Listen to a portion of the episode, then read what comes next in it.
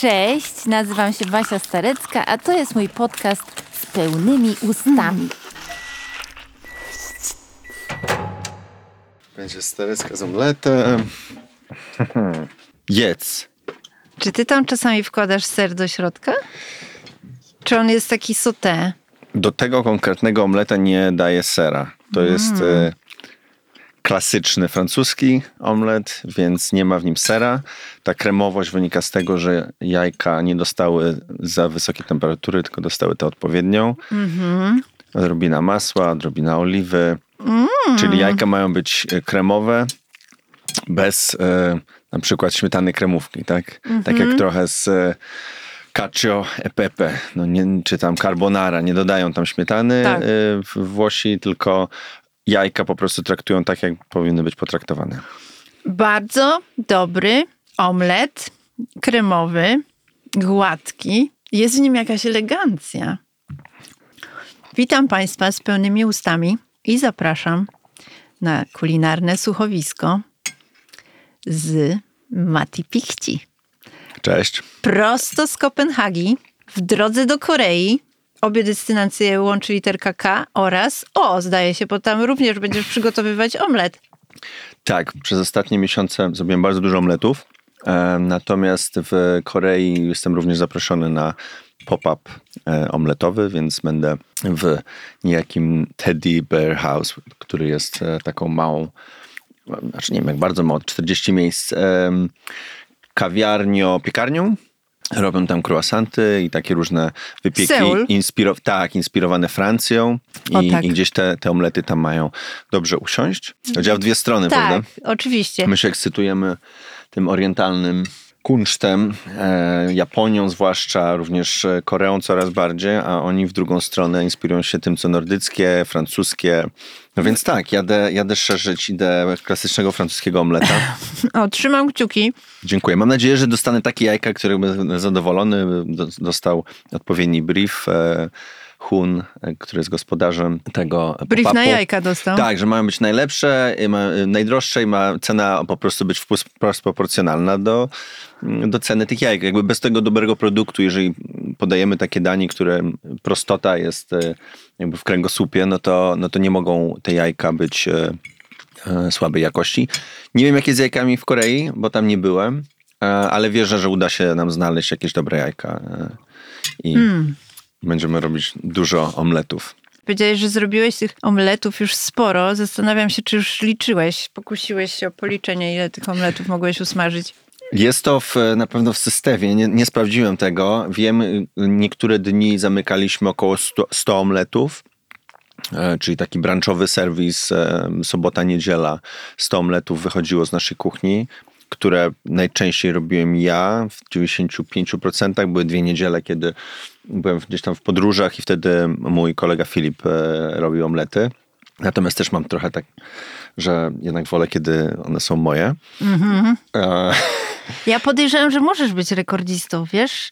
Bo jak myślę o tobie, a znamy się sprzed wielu, wielu lat i mam wrażenie, że z twojego poprzedniego życia, ja ci kojarzę właśnie teraz głównie z omletem. Człowiek omlet. E, Stałeś się ambasadorem bez wątpienia omletu i zastanawiam się, co takiego w ogóle w tym omlecie jest, że Kopenhaga zwariowała na jego punkcie. Dlaczego on zrobił tyle zamieszania i stał się tak popularny i przyciągnął też gości do twojego miejsca? Więc zacząłbym od tego, że omlet jest dobrą metaforą tego, jaką kuchnię lubię, jak gotuję, co robię. Czyli opieram wszystko na prostocie, dobrej jakości, bez ściemy. Kolejny jakby filar tego, dlaczego gotuję, jest taki, że po prostu lubię jeść. Gdzieś tam zainspirowałem się, pamiętam chyba było to po kolei, wydarzyło się tak, byłem w, tutaj w Warszawie z moją przyjaciółką Pauliną e, Serwatką, e, to było chyba w zeszłym roku, byliśmy w, w Kremie i tam było danie omlet i ten omlet faktycznie tam posmakował i stwierdziłem... Bistro francuskie, to tylko Tak. dodajmy, prowadzone przez e, Francuzę. I rozmawialiśmy o tym omlecie, gdzieś tam wszedłem na YouTube, zobaczyłem e, wideo Jacques'a Pepena, jak on robi omleta. E, jego technikę. To jest taki też e, szef francuski, który zrobił karierę w Stanach, jakby właśnie popularyzował kuchnię francuską e, w Stanach Zjednoczonych, jeszcze w latach 70. No i zacząłem je robić w Atelier September, tam gdzie wtedy pracowałem. I było to takie danie, danie dnia czasami, potem coś tam dodawałem do tego omleta. Zazwyczaj było to tak, że był klasyczny omlet właśnie tylko z jajka, masło, odrobina oliwy i gdzieś tam z boku było jakieś warzywa, potem się pojawiły szparagi w pewnym momencie, więc ze szparagami wiadomo. Natomiast trzymałem się tej formy właśnie e, klasycznego francuskiego. I dlaczego on się tak przyjął? Jest to danie, które łatwo zrozumieć. Też kuchnia nordycka, zwłaszcza w tych e, restauracjach, bardziej e, znaczy od nomy zaczynając i gdzieś tam są wszystkie takie droższe, fine diningowe, te dania często są trochę trudne do zrozumienia. Mam wrażenie. Jest dużo składników w nich, jest to jakieś wrażenie smakowe, a to nie jest taka konkretna rzecz. Omlet, wiadomo. Nie wiem, coś jest pięknego w tych dwóch jajkach, ciepłe danie też w wielu kawiarniach, to jest po polsku kafe, y, kawiarnia chyba się tłumaczy, natomiast kafe to jest po prostu miejsce, gdzie się serwuje śniadania, lunche, nie, nie, nie znaczy, że to, że można wypić tylko kawkę, więc tych kawiarni jest dość sporo w y, Kopenhadze i zazwyczaj one nie oferują zbyt dużo ciepłego jedzenia. Czasami zimą jest jedno danie ciepłe i ten omlet jest takim przyjemnym sposobem na zaczęcie dnia. Nawet latem, wiadomo, czasami są chłodniejsze poranki. E, No, na pewno też jest coś seksualnego w, w samym omlecie. Uważam, że to, co jest piękne w jedzeniu, to są też te analogie, więc pewne kształty, pewne konsystencje, y, one gdzieś tam się kojarzą i, i dlatego może jest coś pięknego, takiego właśnie seksualnego. E, takie mam wrażenie. Jest jakieś takie napięcie pośladkowe, bym powiedziała.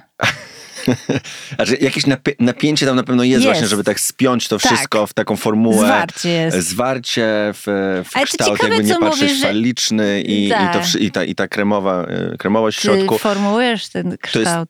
t- trochę takie danie jak, jak z pogranicza, no, cukiernica to jest za dużo powiedziane, ale że też często właśnie jajka bardzo są istotnym elementem wielu wypieków, e, czy tam e, właśnie wyrobów cukierniczych, więc, więc to potraktowanie odpowiednie jajka, nie przepieczenie go, Mm. czy w tym przypadku to pieczenie zachodzi na patelni jest tutaj kluczowe. Tak. Skoro mówisz o tych sensualnych walorach tego dania, to sobie myślę, że być może to jest klucz właśnie do tej popularności, y, jaką zrobił omlet w Kopenhadze, bo skoryguj mnie, jeśli się mylę, ale no jest to miejsce, w ogóle cała Skandynawia dla mnie jest miejscem dosyć jakby to powiedzieć dyplomatycznie, jest to dosyć powściągliwa kultura. Zastanawia mnie tym bardziej właśnie ta popularność yy, tych twoich omletów, że taką prostą rzecz, taką roztkliwiającą właśnie tą swoją prostotą, te powściągliwe osoby są w stanie docenić. Wydawałoby się, że właśnie kuchnia, która trafia do y, mieszkańców Skandynawii, to ta high-endowa, ta intelektualna, gdzie rozwiązuje się pewien rebus na talerzu. A tymczasem Mhm. Omlet z jaj spod kurzej dupy roztkliwia mieszkańców Kopenhagi do tego stopnia, że ustawiają się w kolejce do ciebie. Dobrze, odpowiem na to pytanie w ten sposób, że podzielałem twój punkt widzenia Skandynawii, zanim wyjechałem. Ta kuchnia high-endowa jednak nie jest co, codziennością. Ona wyznacza jakiś biegun, e, jakiś kierunek rozwoju sceny, natomiast codzienność to jest chleb z serem i masłem, który też jest podniesiony do kategorii dania. Jest coś pięknego w comfort foodzie i na pewno omlet jest komfortowy. Niektóre dania w Nomie czy w Alchemist mogą cię zaskoczyć i taki jest też ich cel. Pozwolą ci pomyśleć o czymś innym niż komfort. y, Właśnie cię wyprowadzą ze swojej strefy komfortu, tak?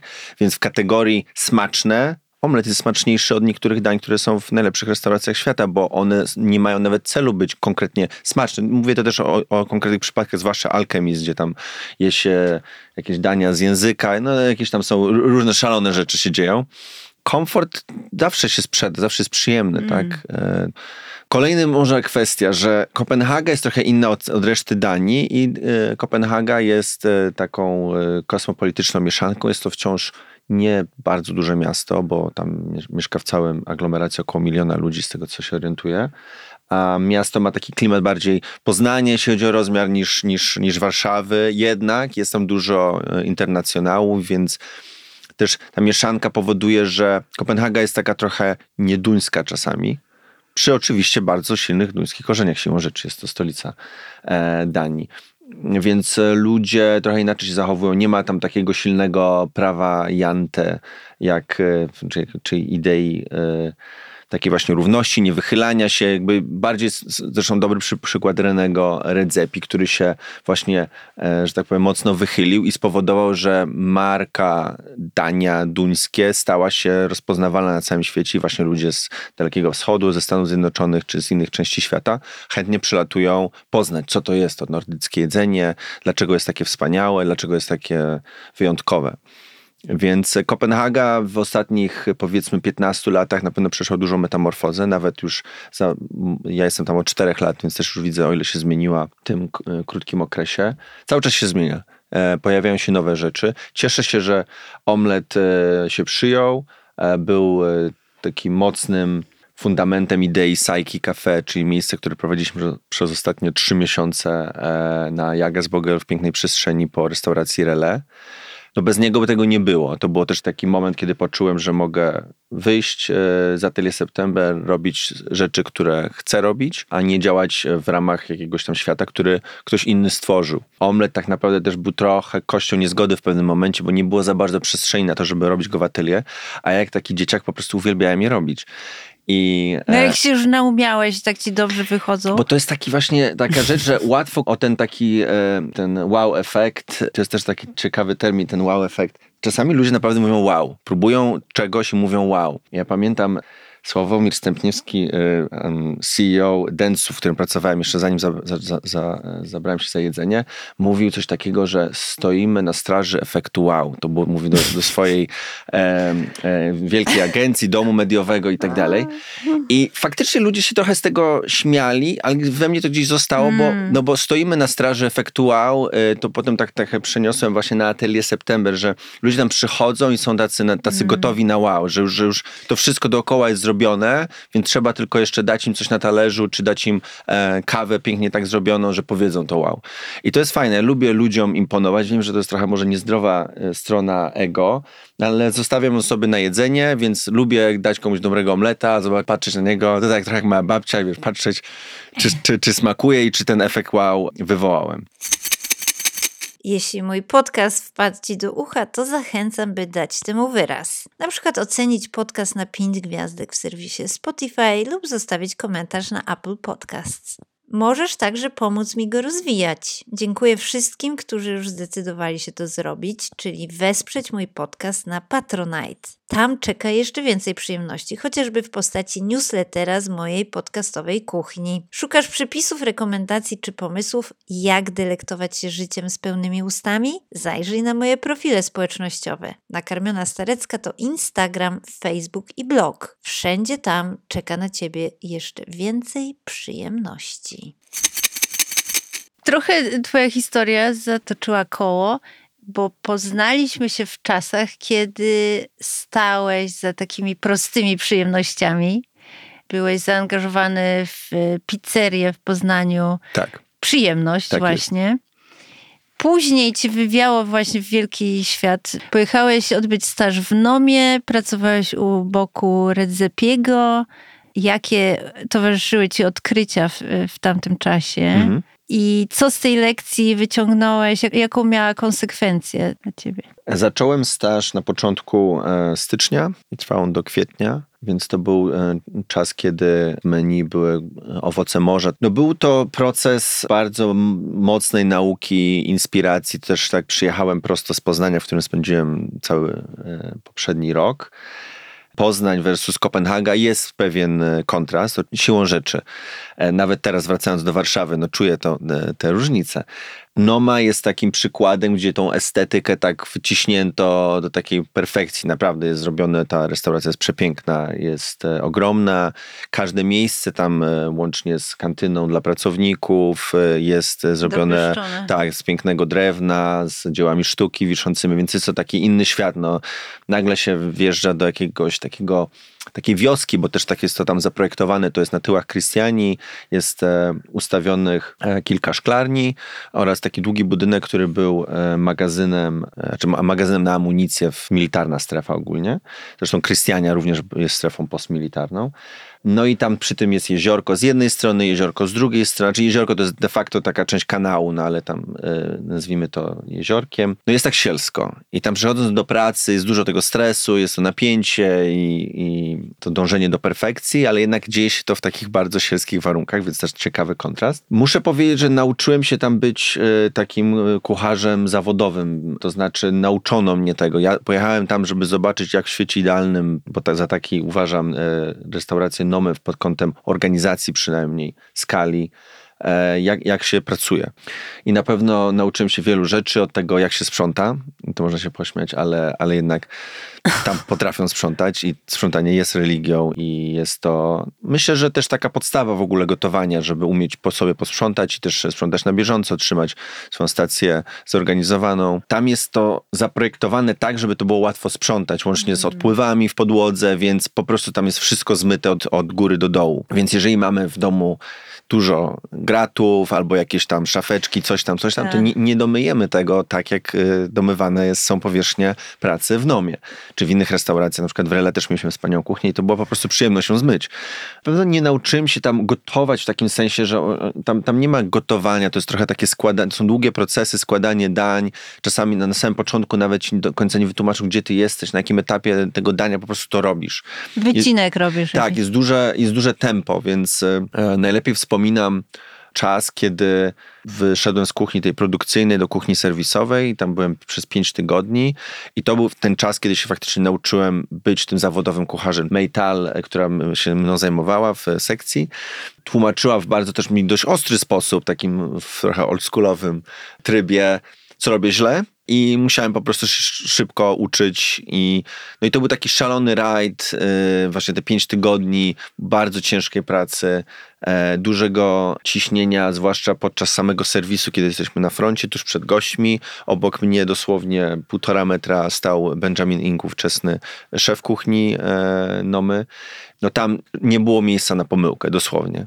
Jak o tym opowiadasz, to czuję lekki dreszcz na pośladku. No to był film, to był film, naprawdę. Bo Noma, nazywasz ją idealną restauracją, ale w ja kontekście organizacji tam są inne tym, ba- tym bardziej, ale mm, wiesz, nie byłam nigdy tam na stażu. W każdym razie ona mi się jawi w pewnym em, sensie jako relikt przyszłości, bo jest Mhm. takim wcieleniem myśli Escoffiera o takiej bardzo złożonej hierarchii kuchennej, właśnie o takim e, wojskowym trybie prowadzenia tego typu przedsięwzięcia. I zastanawiam się, czy ona pod względem właśnie organizacji pracy jest organizacją nowoczesną, bo wydaje mi się, że jest tutaj jakieś odklejenie, jest jakaś ym, niekonsekwencja. Na pewno stara się być progresywna i w pewnym stopniu jest. Pierwsza kwestia jest taka, że przynajmniej w teorii wszyscy w kuchni są równi, to znaczy na przykład są tak samo ubrani, co już jest różnicą między Escoffierem a, a Nomo, że René ma ten niebieski t-shirt i stażysta jest ubrany dokładnie tak samo. To przynajmniej jest pozór tego, że oni są w jakiś sposób równi. Podczas odpraw mówił e, René o szacunku wobec siebie, więc oni wyszli właśnie z takiej strefy, gdzie tam było dużo też jakiejś przemocy słownej, nawet fizycznej i, i różnego szaleństwa, do tego, żeby to było takie bardziej właśnie czyste, zgodne z współczesnymi normami e, pracy. Mm. Ale jest innych... jakaś pani, która łaja, rozumiem dalej. Wiesz co, nie, ale to nie jest tak, że y, bo ja troszeczkę może y, tak zabrzmiało, że tam byłem jakoś totalnie gnojony. Nie, bo po prostu nie było tam czasu na uprzejmości. A, rozumiem, konkret. Był bardzo konkret i ona też miała taki styl bycia po prostu, że się za bardzo nie uśmiechała. Więc, więc to, to bardziej tak, to na pewno nie ma tam takiego dramatu, który był 20 lat temu gdzieś tam w kuchniach y, paryskich czy londyńskich, gdzie naprawdę było dużo przemocy. Zwłaszcza COVID też e, musiał, musiał René i jakby też w ogóle całe, e, cała ta branża musiała trochę przemyśleć, o co w tym wszystkim chodzi, bo ludzie mieli czas o tym, żeby pomyśleć, żeby wypaść z tego kółka, tak, e, świnki morskie, chomi, chomikowego kółka, tak, i, i się zastanowić, co jest w życiu ważne, więc żeby ich z powrotem e, ściągnąć do tej ciężkiej pracy, Po musieli tej refleksji jakieś właśnie. mm, zmiany Tak. Wprowadzić, więc na przykład nie było dwóch sittingów, tylko zrobili jeden sitting, po który też pewnie wynikał z tego, że może łatwiej było sprzedać ten jeden sitting, ale były pewne zmiany. E, Noma po covid jest inna niż była przed. To jest jeden wymiar, gdzie wiem, że wielu z tych kucharzy jest przemęczonych, zdemotywowanych. Głównie dlatego, że to jest za dużo godzin i zbyt e, monotonna praca, ale jednak dla nomy, więc to ich tam trzyma, więc są Hmm, takie trochę... Nobilitujące. Tak, są, są w takim momencie, że okej, czekają na swój moment, żeby może otworzyć coś własnego kiedyś, mają jakieś marzenia. No ale na przykład David Zilber zajmuje się bardziej naukową strefą niż gotowaniem, więc też to była taka postać e, dość e, szczególna, taki kolejny lider, twarz Nomy, którą niestety stracili. Okej, czyli kończysz staż w Nomie, trafiasz do kolejnego miejsca za sprawą trochę towarzyskich okoliczności? Trochę towarzyskich, ponieważ staż w Nomie zaczynałem 3 stycznia, mm, nowy rok, witałem w Apollo, w Apollo Barze, który jest miejscem e, Fryderyka Billebra, który e, jest e, też właścicielem Atelier September, w którym spędziłem kolejne prawie 4 lata po, po Nomie. Więc poznałem, e, poznałem Federyka tam na miejscu, poznałem e, też e, Kasię, która była w, wtedy event managerem w, w Apollo. No i gdzieś tam rozmawialiśmy o, o przyszłości i powiedział, ok, pogadamy, spotkamy się z Federykiem, jakie są możliwości. On mnie trochę lepiej poznał i stwierdził, że będę dobrym kandydatem na menedżera, w, na nowego menedżera w atelier, bo poprzedni menedżer nie był z niego bardzo zadowolony. Więc timing był dobry. Ja akurat kończyłem w kwietniu i wtedy w, w, e, przystąpiłem do zespołu atelier. Atmosfera atelier na pewno jest e, dużo, dużo się różni od tego, co jest w takiej nomie, więc Oczywiście, kiedy jest e, duży ruch, to trzeba się sprawnie ruszać, natomiast e, są na pewno inne wartości tam na piedestale. Tak. em, i... A co jest normą, co jest standardem? Właśnie ten kierunek y, Redzepiego, czy to, co, czego doświadczyłeś później? Poznałem bardzo dużo ludzi z branży, też bardzo fajnych osób, które pracują w, w gastronomii i raczej standardem jest dużo szacunku, natomiast zdarzają się przypadki braku tego szacunku w różnej formie i też był w New York Timesie artykuł e, Lizy Dunbar, która gdzieś wskazała e, różne kwestie, kiedy ona e, była w, w taki czy inny sposób mobbowana. Dla kogoś dobry żart może być dla kogoś krzywdzący. I Tak.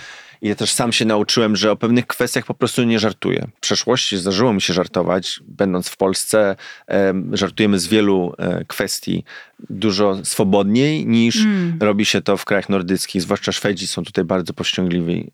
Więc e, w tym, w tym samym czasie wróciłem do Polski, byłem z moimi kolegami, pad- padły jakieś takie żarty i tak sobie w głowie właśnie myślałem, że okej, że to... Że to Odrobiłeś tą lekcję już. Czyli polityczna ja też- poprawność ja też- jest większa. tak, ja też nie chcę tego wartościować, bo, bo Tak. to nie jest tak, że Co innego po prostu obowiązuje w danej kulturze, nie? Tak, i też ten, ja, ja też jestem, mam takie trochę dwie osobowości. Jedna osobowość moja to jest, to jest ta po polsku, bo te języki nasze też tworzą pewne osobowości, więc y, mogę mówić o innych rzeczach niż mówiąc po angielsku, które po prostu mi to nie przejdzie przez usta, bo, bo nie chcę nikogo krzywdzić i nie, nie chcę czymś kosztem sobie tam y, żartować. Jesteś w atelier, Tak. pracujesz jako menedżer. Tak. Zastanawiam się, czy konfrontujesz się właśnie z różnicami kulturowymi, bo wyobrażam sobie, że w Nomie, no właściwie tam ta komunikacja była jakaś zminimalizowana, że twoja praca polegała głównie na tym, żeby robić, a nie gadać, Mhm. ale już to stanowisko wymaga jakichś zdolności, które na pewno masz, interpersonalnych, ale też znajomości pewnych kodów kulturowych. Czy to było jakieś wyzwanie? Zdecydowanie atelier jest e, dobrym przykładem tego, jak bardzo zróżnicowany może być zespół pod kątem e, płciowym, również genderowym, e, kulturowym. Mamy parę osób, które są z Danii, jest wiele osób, które są z, mamy, mieliśmy, w sensie nie jestem już częścią tego zespołu, zespół dalej trwa, osób z różnych miejsc e, świata i oczywiście że musisz te kody odkrywać, tak żeby to, to wszystko dobrze działało, tak? Więc wiem, że na przykład młody Duńczyk, a zawsze mamy takich tam e, od 16 do 19 roku życia, młody, oni zaczynają Bardzo bardzo, wcześnie, bardzo O. wcześnie. Zresztą, jeżeli ktoś ma między 16 a 18 rokiem życia, taki młody gość nie płaci podatku, więc my mamy go bardzo tanio, dzięki temu, więc zawsze warto takiego unga bajdera, to tak to się nazywa po duńsku, Co to znaczy? młody pracownik w dużym skrócie. Aha. Ja też ten mój duński niestety jest, po tych czterech latach jest bardzo e, e, słaby. Takie osoby, które zaczynały w wieku 16, też zdarzało się, że, że zostały z nami e, długo. Więc to nie była tylko taka tam praca latem, że sobie tam ponosi talerze i spadają, tylko chcieli się rozwijać. Ci młodzi Duńczycy, bo to chciałem powiedzieć, no to jest ta generacja Z też, e, gdzie sobie bardzo cenią swoje plany, więc dla nich jakiś tam, nie wiem, impreza przyjaciół jest bardzo ważna, więc trzeba po prostu uszanować to, że oni nie będą priorytetyzować pracy względem innych rzeczy. Wiem, na ile na kogoś mogę po prostu liczyć, że jeżeli pojawiają się te osoby z na przykład z Europy, no nawet pracowałem z, z wspaniałą Asią, zresztą po mnie została menedżerem i wiedziałem, że na nią mogę liczyć, bo była Polką, przyjechała tutaj jakby spełniać swój, nazwijmy to, skandynawski sen i ona po prostu będzie ciężko pracować i y, zmieni swoje plany, bo jest potrzeba y, wypełnić grafik. Więc tak samo było ze mną, że gdzieś tam y, na koniec dnia miałem ogromne poczucie odpowiedzialności, więc często kosztem innych swoich Tak. jakichś tam planów, priorytetów, zdrowia ciężko pracowałem. Też mam y, kolegę Włocha i z Włochami też się inaczej pracuje. Oczywiście z jednej strony jest to jakieś ok- okropne generalizowanie i stereotypy, ale te stereotypy oczywiście z czegoś też wynikają.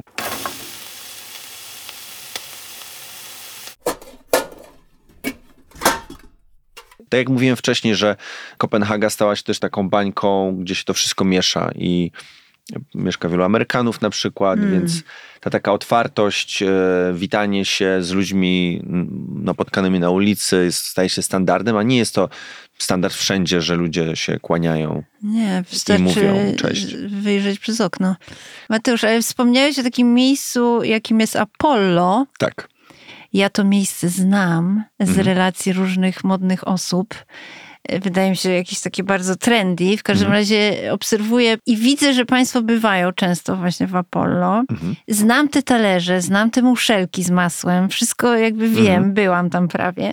I zastanawiam się, czy ten standard, bo powiedziałeś też, wspomniałeś o tym, że w Danii chleb z masłem i żółtym serem podniesiono do rangi dania. Ja rozumiem, że za tym idzie po prostu jakość tych konkretnych produktów.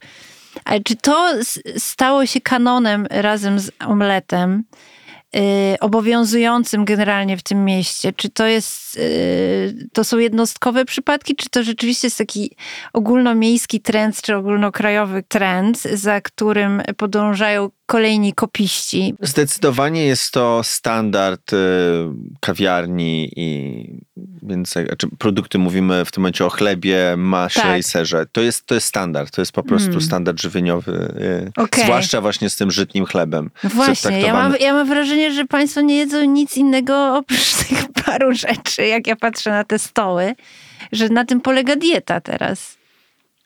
Śniadaniowa raczej tak, e, wiadomo, obiady, em, gdzieś tam te kolacje, bo to tak dinner, to jest taka, taka kolacja, trochę, Obiado trochę, więc... e, Co się jada no teraz? coś- Coś się teraz jada, proszę Jada się pana. zwłaszcza wegetariańsko, jada się, jada się też oczywiście e, ryby, które w Kopenhadze są dobrej jakości. Trend jest wegetariański, żeby, to, e, żeby było dużo warzyw, e, dobrze doprawionych, dobrze przygotowanych i, i eksponuje się ten, ten produkt. Jakby są z niego kucharze tak samo dumni, jak byliby z pięknego kawałka mięsa.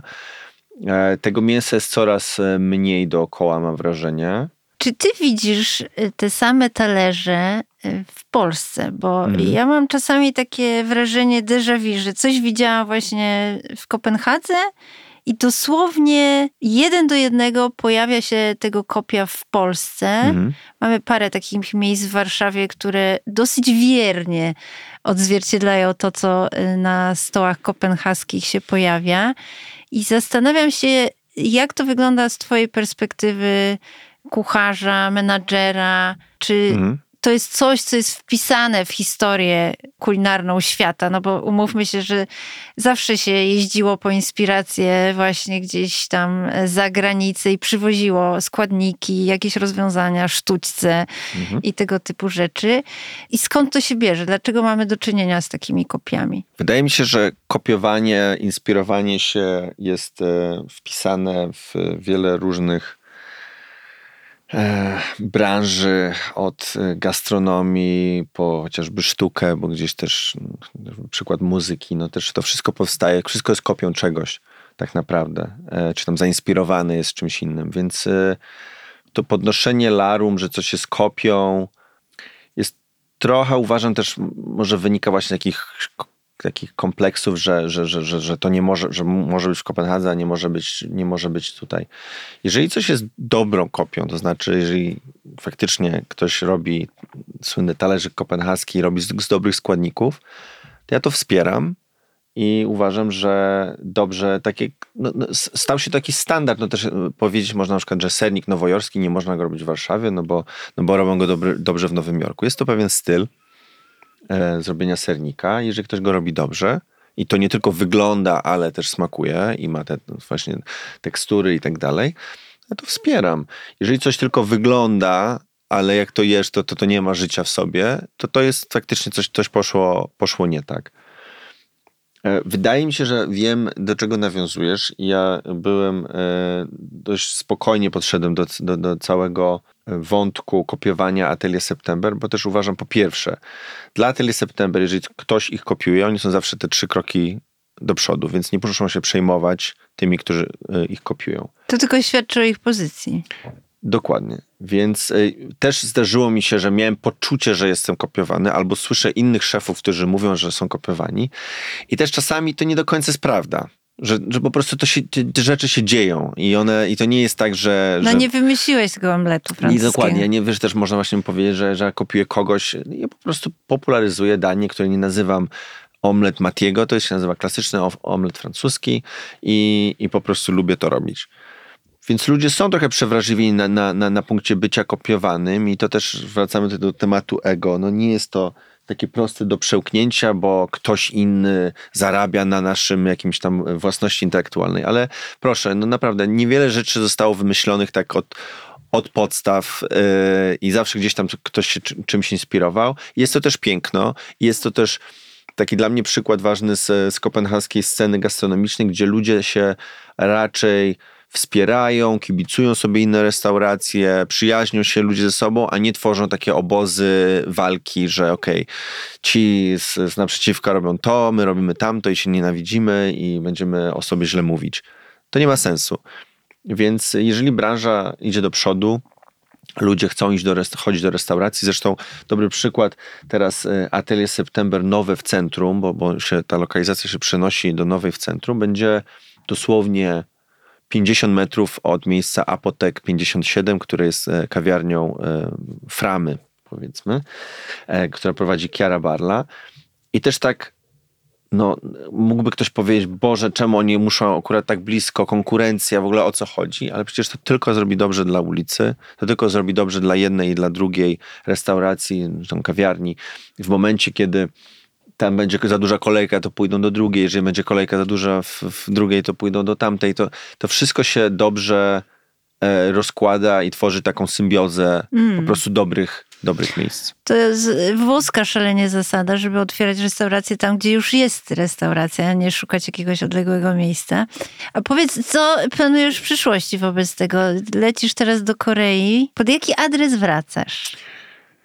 W tym momencie mam bardzo ciekawy moment życia, kiedy bardzo ciężko pracowałem przez y, ostatni, no od, odkąd tak powiedzmy się skończyła pandemia, już tak ostatecznie to mieliśmy, e, czyli poprzedniego lata wpadłem w jakiś taki cykl bardzo intensywnej pracy. Udało mi się pójść też na swoje, robiłem e, sporo eventów, też w ostatnim czasie prowadziliśmy Psyche Cafe, więc mam trochę odłożonych pieniędzy, żeby i w końcu Pożyć. mam czas, żeby, żeby pojechać i spełnić swoje marzenie o tym, żeby pojechać do Japonii.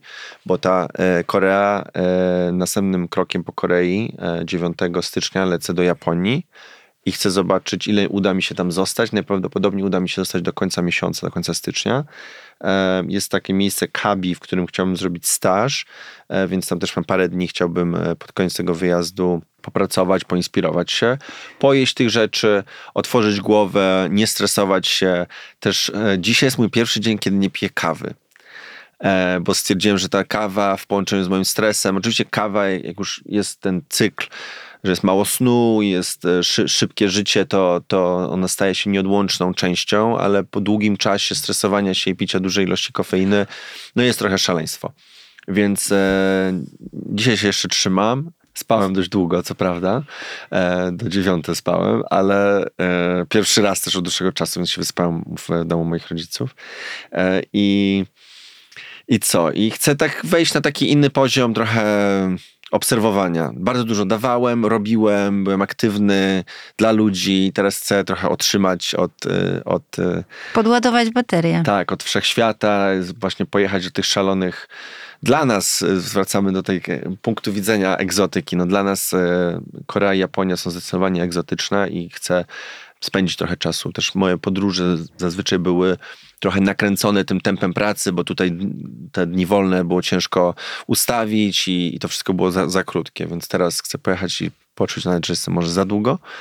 E, wrócę e, razem z Teo e, działamy jako Sajki Cafe już teraz w takiej innej formule, bo nasza rezydencja w Relais skończyła się 18 grudnia, więc teraz działamy eventowo, mamy parę tematów, które są w trakcie ustaleń. Mam jeden e, event na Fashion Week e, na początku e, lutego w Kopenhadze, więc do tego czasu muszę po prostu wrócić i i wejść na to. Szukamy nowej lokalizacji, nie mamy adresu. Był jeden adres, ale ten adres e, wypadł z gry, bo chcieliśmy otworzyć w centrum e, taką mniejszą wersję Sajki Cafe e, w takim no fajnej bardzo lokalizacji, no ale się nie udało. Więc cel jest taki, żeby mieć swoją bazę, mieć swoją kawiarnię z omletami, z kawą i dodatkowo móc robić właśnie eventy, móc podróżować, smakować świat. Jak się jest za długo, w, nawet w tak pięknym miejscu jak Kopenhaga, no to, no to siłą rzeczą nawet i to może stać się swego rodzaju takim właśnie skandynawskim więzieniem. Więc, e, więc warto jest e, wyjeżdżać, e, wietrzyć głowę, jeżeli jest taka możliwość oczywiście. Więc taki jest mój cel. Mam parę innych marzeń, ale to na razie jest tak bardziej na, na, na, na, papierze, więc może jeszcze nie będę się tym dzielił, e, ale jak one się za, za, zaczną realizować, to też będzie na pewno super. To tego wszystkiego ci życzę. Bardzo dziękuję. Dziękuję, że znalazłeś czas, żeby po drodze wstąpić i usiąść przy moim stole. Bardzo mi miło. Cieszę się, że spróbowałaś. e, Ja się Omleta. cieszę, że wreszcie spróbowałam tego omletu. Dziękuję. Dzięki wielkie. Drodzy Państwo, życie jest za krótkie na złe jedzenie To i warto je przeżyć z pełnymi ustami. Do usłyszenia w kolejną niedzielę.